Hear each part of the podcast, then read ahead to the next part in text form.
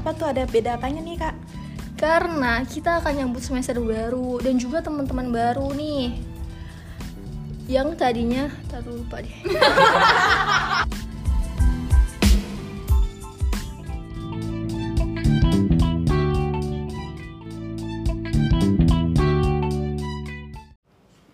Hai kaula muda, apa kabar nih? Setelah sekian lama, akhirnya kita balik lagi nih Sadif Bersama saya, Ira, dan saya itu nggak sendiri loh kali ini Bersama bareng dua teman saya, yaitu Aku Yola. Halo, nama aku Dilan.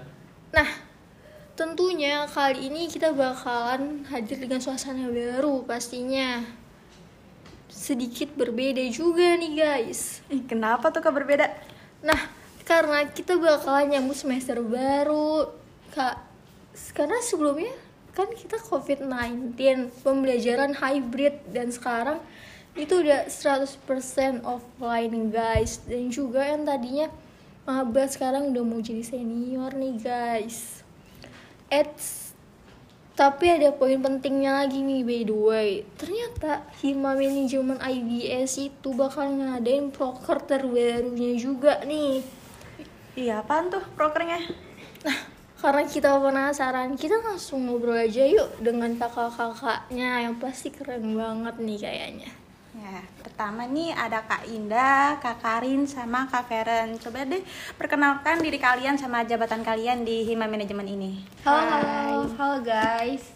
Halo Kak Ira, halo Kak Yola, halo Kak Dilan. Halo, Kak Indah. Iya. Iya. eh, perkenalkan, aku Indah Salsa. Eh, aku menjabat sebagai wakil himpunan mahasiswa periode 2022-2023. Halo Kak Indah. Oh, Kak Indah. Halo semuanya, aku Karina Putri. Aku menjabat sebagai Kepala Divisi Infocom dan Humas dari Hima Manajemen. Halo. Halo Kak Karin. Karin. Eh, halo semuanya, kenalin nama aku Feren Syardianto, di mana di sini aku menjabat sebagai Ketua Divisi dari Pendidikan dan Operasional. Salam kenal semuanya. Halo, Halo, salam kenal Kak Feren. Hai. Oke, karena ini sudah para perkenalan semua, jadi kan kita tahu nih. Nah, di sini kan udah dijelaskan kalau misalnya jabatan-jabatan mereka itu semua adalah ketua-ketua yang penting. Karena mereka semua ketua pasti juga sibuk dong dan pastinya juga banyak pengalaman. Ngomong-ngomong soal pengalaman, kita karena generasi Z kepo nih pengalaman-pengalaman apa yang pernah kakak-kakak alamin dalam segi budaya. Seperti contohnya kayak culture shock apa yang pernah dialami kita eh, mulai dari ketua ya dulu Wakil kali ya, ya, wakil dari ketua wakil wakil. Eh, kalau dari aku kultur shocknya klasik banget dah kayaknya. Ih, apa itu Kak klasiknya? apa tuh kak Kul- kultur shock aku tuh tuh klasik sih menurut aku. Waktu awal-awal aku kuliah itu kultur shock aku dari SMA ke kuliah itu kultur shock aku. Kayak aku waktu SMA aku tuh selalu di kita tuh beli buku ya. Kita pasti ada buku, buku-buku yang pasti maksudnya loh. Eh, terus eh, gurunya juga ngajarin kita tuh secara detail sampai kita paham. Nah pas lagi sampai kuliah di semester 1 itu aku bener-bener ngerasain kultur shock sesungguhnya. Kita nggak ada yang namanya dikasih buku tuh nggak ada. Yang ada kita dikasih referensi sama dosen, kita cari sampai ketemu kalau nggak ada kita beli. Ya, kita carinya di perpus tapi pas ketemu bahasa Inggris. Jadi kita harus paham juga Iya, itu. bahasa Inggrisnya. Betul, itu itu kultur shock aku juga sih. Iya. Dari bahasa Indonesia ke bahasa Inggris full. Itu benar-benar kultur shock. Terus dosen-dosennya itu lebih eh, ngajarinnya juga nggak begitu detail. Jadi dia cuman kayak ngajarin selibet-selibet. Sisanya ya kita memahami diri Ya, sendiri. sendiri. Betul banget. Ya, kira-kira kultur shock aku sih kayak gitu doang sih ya, teman-teman. Tapi kayaknya kita itu juga sama Ya, kita juga ngalamin. Ngalamin semua kali ya Iya, kultur shock kayak gini ya. Kayaknya itu kultur shock yang klasik sih Eh, emang Kalangan klasik. muda. Aku bingung ya kultur shock aku tuh apa. Cuman yang aku rasain sih itu. Iya, kultur sama shock kita aku. semua rasain itu juga. Iya, benar banget sih. Oke, kalau gitu kita juga pengen tahu nih sebelumnya kultur shock dari Kak Karin itu kira-kira apa nih? Oke, kalau culture shock yang aku alamin itu waktu aku lagi liburan ke Bali. Kan di Bali tuh budaya itu masih kental banget ya, masih sakral banget. Aku shock karena aku nyampe-nyampe sana, nyampe di villanya di mana-mana tuh ada sajen. Sedangkan kita kan kalau di Jakarta nggak ada sama sekali kan maksudnya ya udah bersih terus tiba-tiba nyampe Bali dilihat-lihat di setiap sudut tuh pasti ada yang namanya sesajen tapi sesajennya tuh sempet kakak ambil ya gitu. ada Karena- terniat untuk mengambil Iya, gitu kan karena, kan itu isinya ada kita pasti makanan, nggak tahu iya. dong kalau itu ternyata sesajen aku dari awal udah tahu itu sesajen terus aku nggak mau main-main karena yang kita ketahui ya sesajen itu kan dipersembahkan untuk mereka yang tak terlihat jadi aku Sakral, bener. iya sakral juga kan nggak jangan dimain-mainin hal-hal sakral terus kita juga mikirnya aku mikirnya kayak eh, ini budaya dari Bali nggak mungkin budaya orang kita acak-acak. Jadi kayak ya udah emang budaya mereka melakukan itu ya udah aku hargain itu. Itu sih culture shock yang aku alamin. Tapi pernah sempet kepengen ngambil nggak coba baru-baru kepengen ya kayak ada kepikiran. Serem Udah takut ya? udah takut duluan. Aduh, kirain pernah gitu Hmm, pengen enggak. ambil coba-coba. Jangan main-main deh sama yang itu deh. Yuk boleh kita dengar dari divisi pendidikan ada Kak Feren. Apa nih Kak kultur kultur shocknya nih dari kakak sendiri Oke, thank you sebelumnya. Nah, kalau ngomongin tentang culture shock, pastinya aku sering banget ngalamin karena kan notaben dari anak rantau da- eh, yang merantau ke ibu kota dan juga ketemu dengan teman-teman dari latar belakang yang berbeda itu pasti banget dapetin culture shock. Dan di sini mungkin aku bakal ngebagiin ke kalian tentang pengalaman aku pas zaman SMP nih. Itu emang udah lama sih, tapi menurut aku cukup unik nih untuk kalau di-share jadi aku eh, diutus dari pihak sekolah untuk mewakili dalam suatu perlombaan dan bertemu dengan anak-anak dari 33 provinsi. Sekarang 34 ya, satunya aku. 33 provinsi dan di situ pasti banyak beragam banget nih dari segi cara mereka membawakan culture kayak ada ciri khas tertentu lah dari Tapi maaf nih 33 Kak, lombanya provinsi lomba apa itu Kak? lomba cipta cerpen karena Oh, kebetulan aku cipta ada di cerpen. bidang sastra. Nah, jadi kalau 33 provinsi itu yang bikin aku culture itu ada dari dua segi. Pertama, segi makanan, kedua segi bahasa. Kalau dari segi makanan kita tahu kalau pada umumnya makan nasi kayak gitu. Tapi kalau anak-anak dari daerah Papua, mereka bawa papeda. Itu papedanya dia masak sendiri.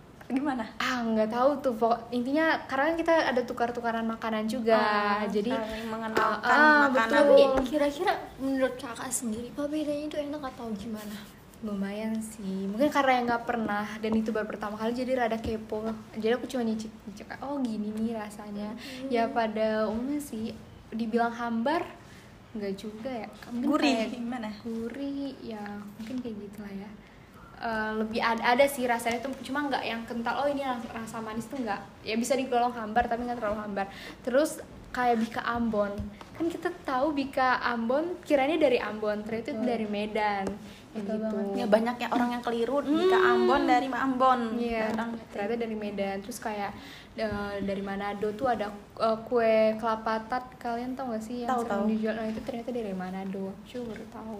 Aku juga baru tahu loh ini. Iya. Makasih loh Kak. Iya, sama-sama loh.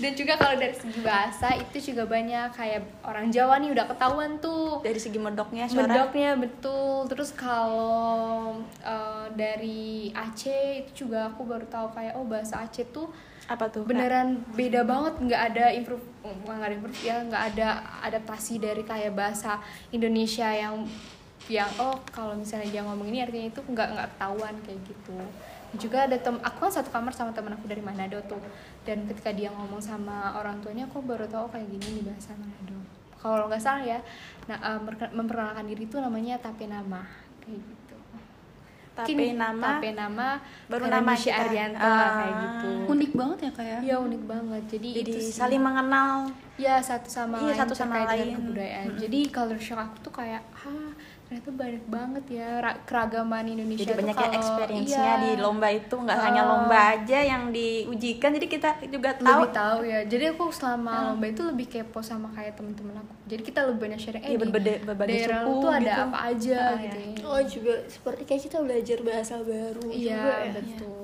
kayak gitu guys. Jadi culture shock yang aku alamin kurang lebih kayak gitu. Oh oke ternyata culture shock dari kakak sekalian ternyata juga menarik untuk didengar ya. unik ya kak. Iya aduh. Nah menurut kalian nih tentang budaya Indonesia saat ini nih yang mungkin udah mulai meluntur atau mungkin udah tergantikan itu Iya, banyak gimana yang sih dari kalian? budaya-budaya dari luar juga banyak yang masuk ya kak. Iya. Ini gimana ini menurut kakak-kakak? Mungkin dari Kak Karin ya.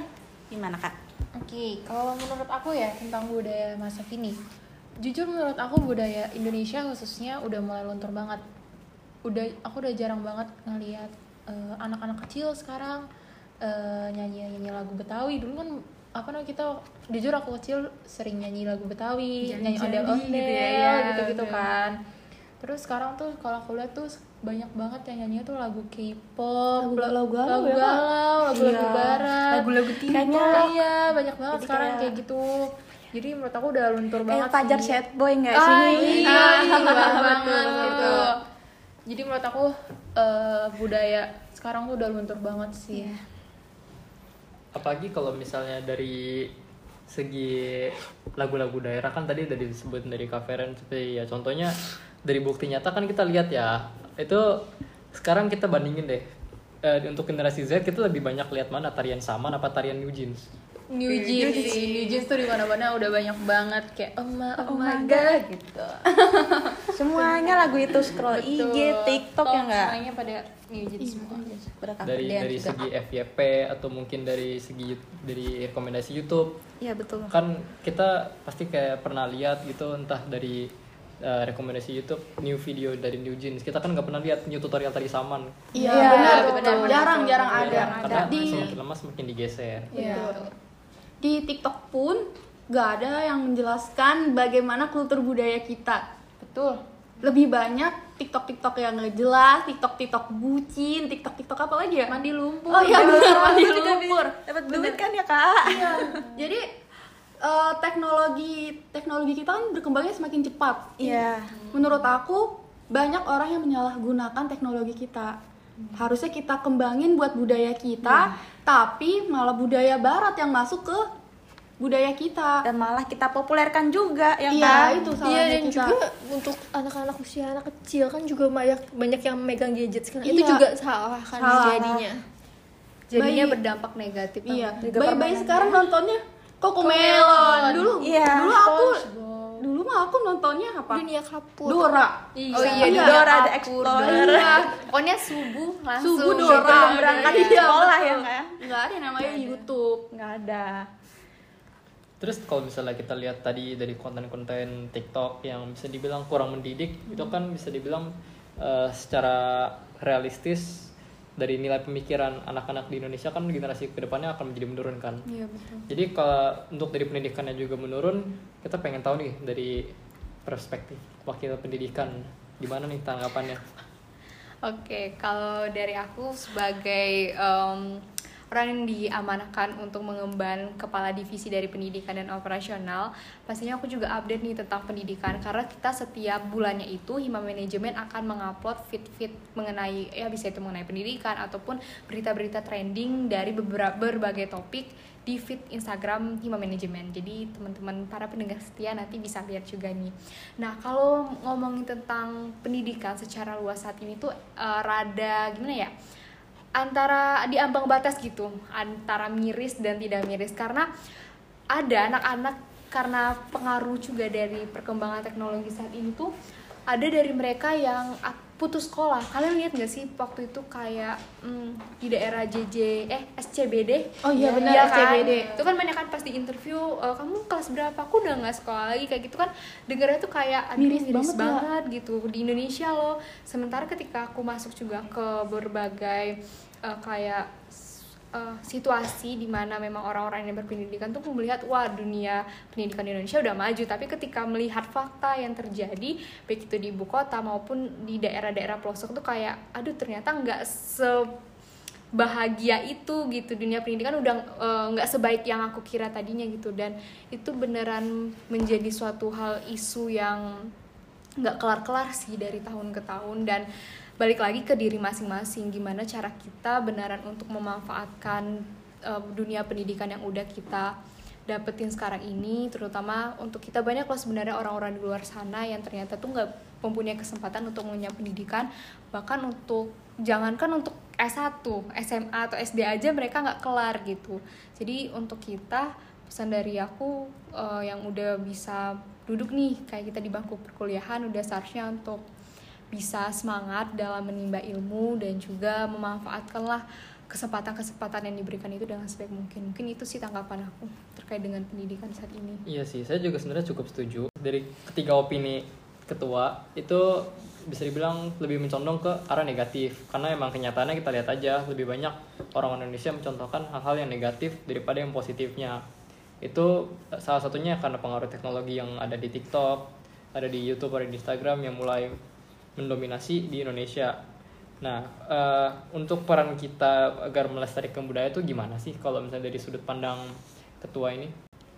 Oke, kalau menurut pandangan aku sering kali kita tuh tanpa sadari sebenarnya banyak cara untuk kita melestarikan budaya, tapi itu emang kayak tertutup dengan perkembangan teknologi yang semakin merajalela dan budaya barat yang mendominasi gitu. Khususnya kita sebagai mahasiswa-mahasiswi itu banyak cara yang bisa kita lakukan. Salah satunya menurut aku dari kegiatan-kegiatan di kampus di luar jam pe- pelajaran. Bisa aja nih kita kayak sama-sama yuk kita bikin apa gitu.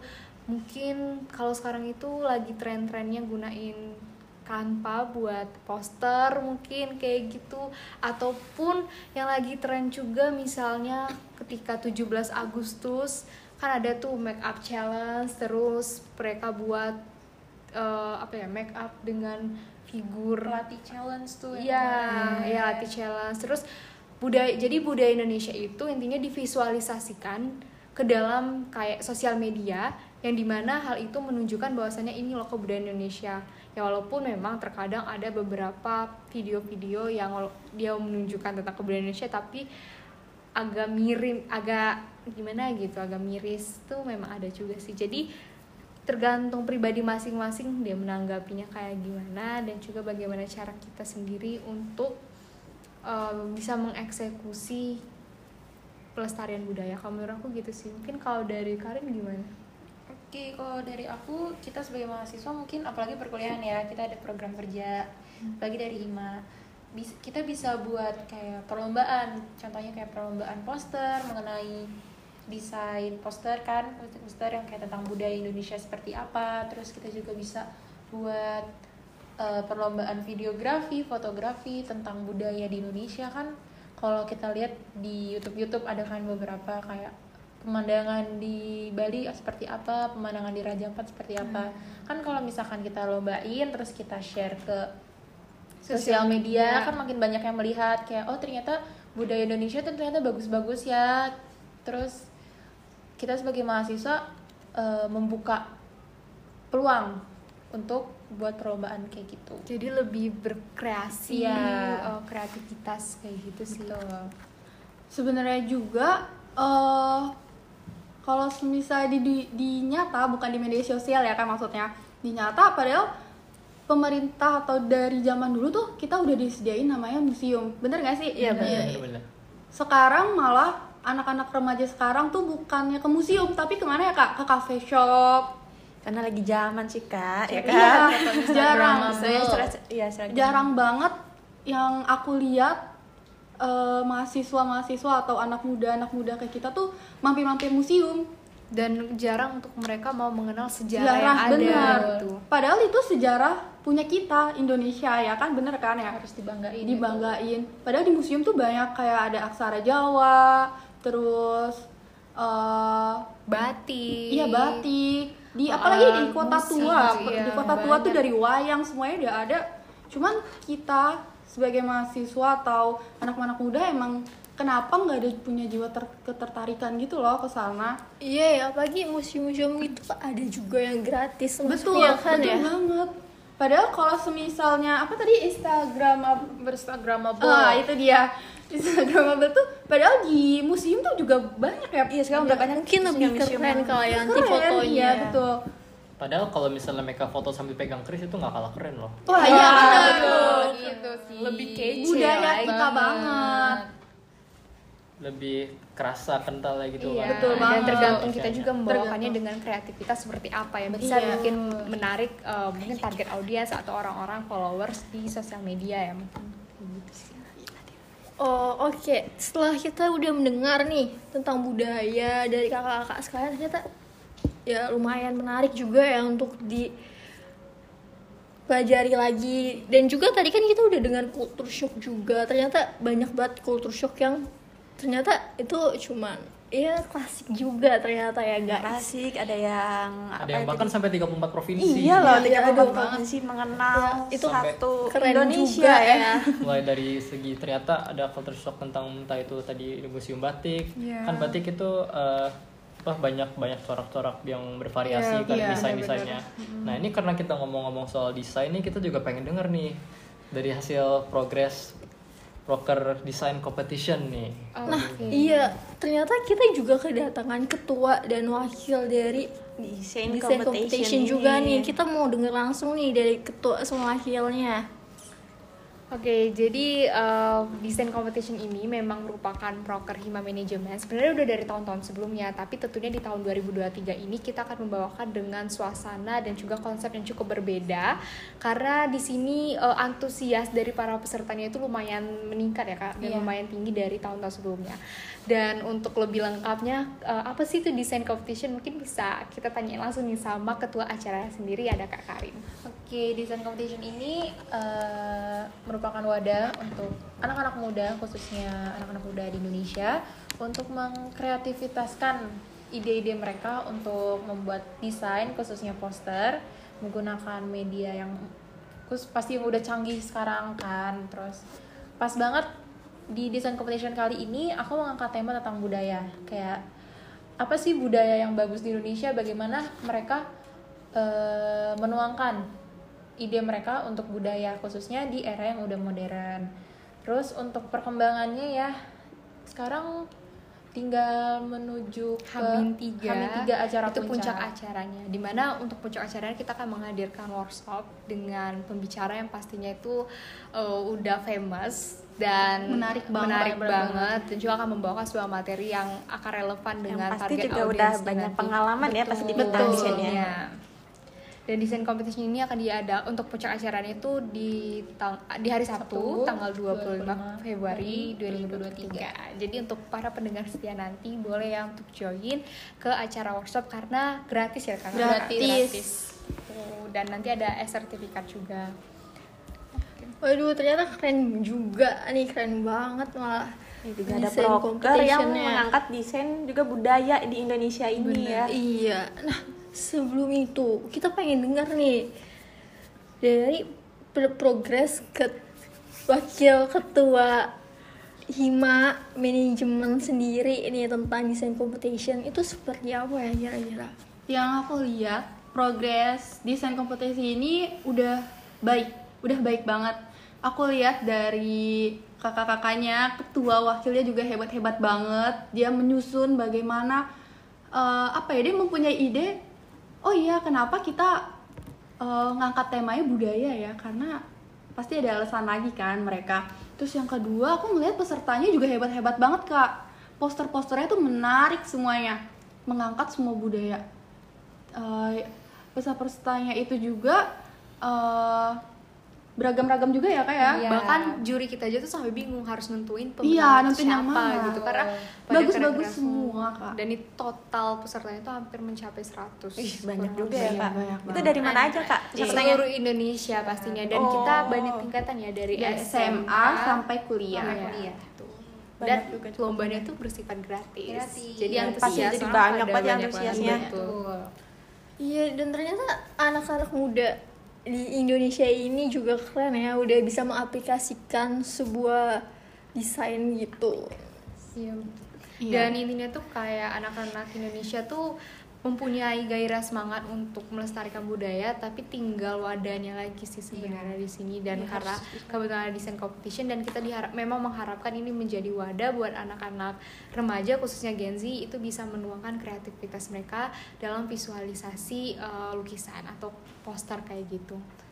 Oke, terima kasih ya dari kakak-kakak semuanya. Dan maaf banget nih waktunya udah. Udah mau habis Wah, nih. padahal lagi seru banget ya kita Iya, udah banyak banget yang mau diomongin. nih harus di sharing-sharing. tapi ya di setiap pertemuan pastinya ada perpisahan Iya Ya, betul. itu Nah, pasti. itu ya kita harus sayang sekali dengan pasti harus mengakhiri sesi podcast Iya. untuk Iya. Dan aku Hari ini. juga ngucapin terima kasih sama Kak Indah, Kak Karin, sama Kak Feren. Terima kasih. Terima kasih juga untuk Dilan, Yola, Ira Udah atas yang nyempetin datang buat apa? Bikin podcast Iya, bikin bareng podcast bareng kita. Oh iya, oh, karena kita udah di ujung acara nih guys. Sampai jumpa ya di podcast selanjutnya. Terima Oke deh, terima kasih teman-teman yang udah menyediakan podcast ini. Semoga ini bermanfaat ya. gitu. Iya, dan juga untuk uh, yang akan datang bisa mengangkat episode dengan tema-tema yang, Yang menarik, menarik lah dari pastinya. kita. Oke, terima kasih. Dari kita juga terima kasih banyak ya See you teman-teman. guys. Dadah.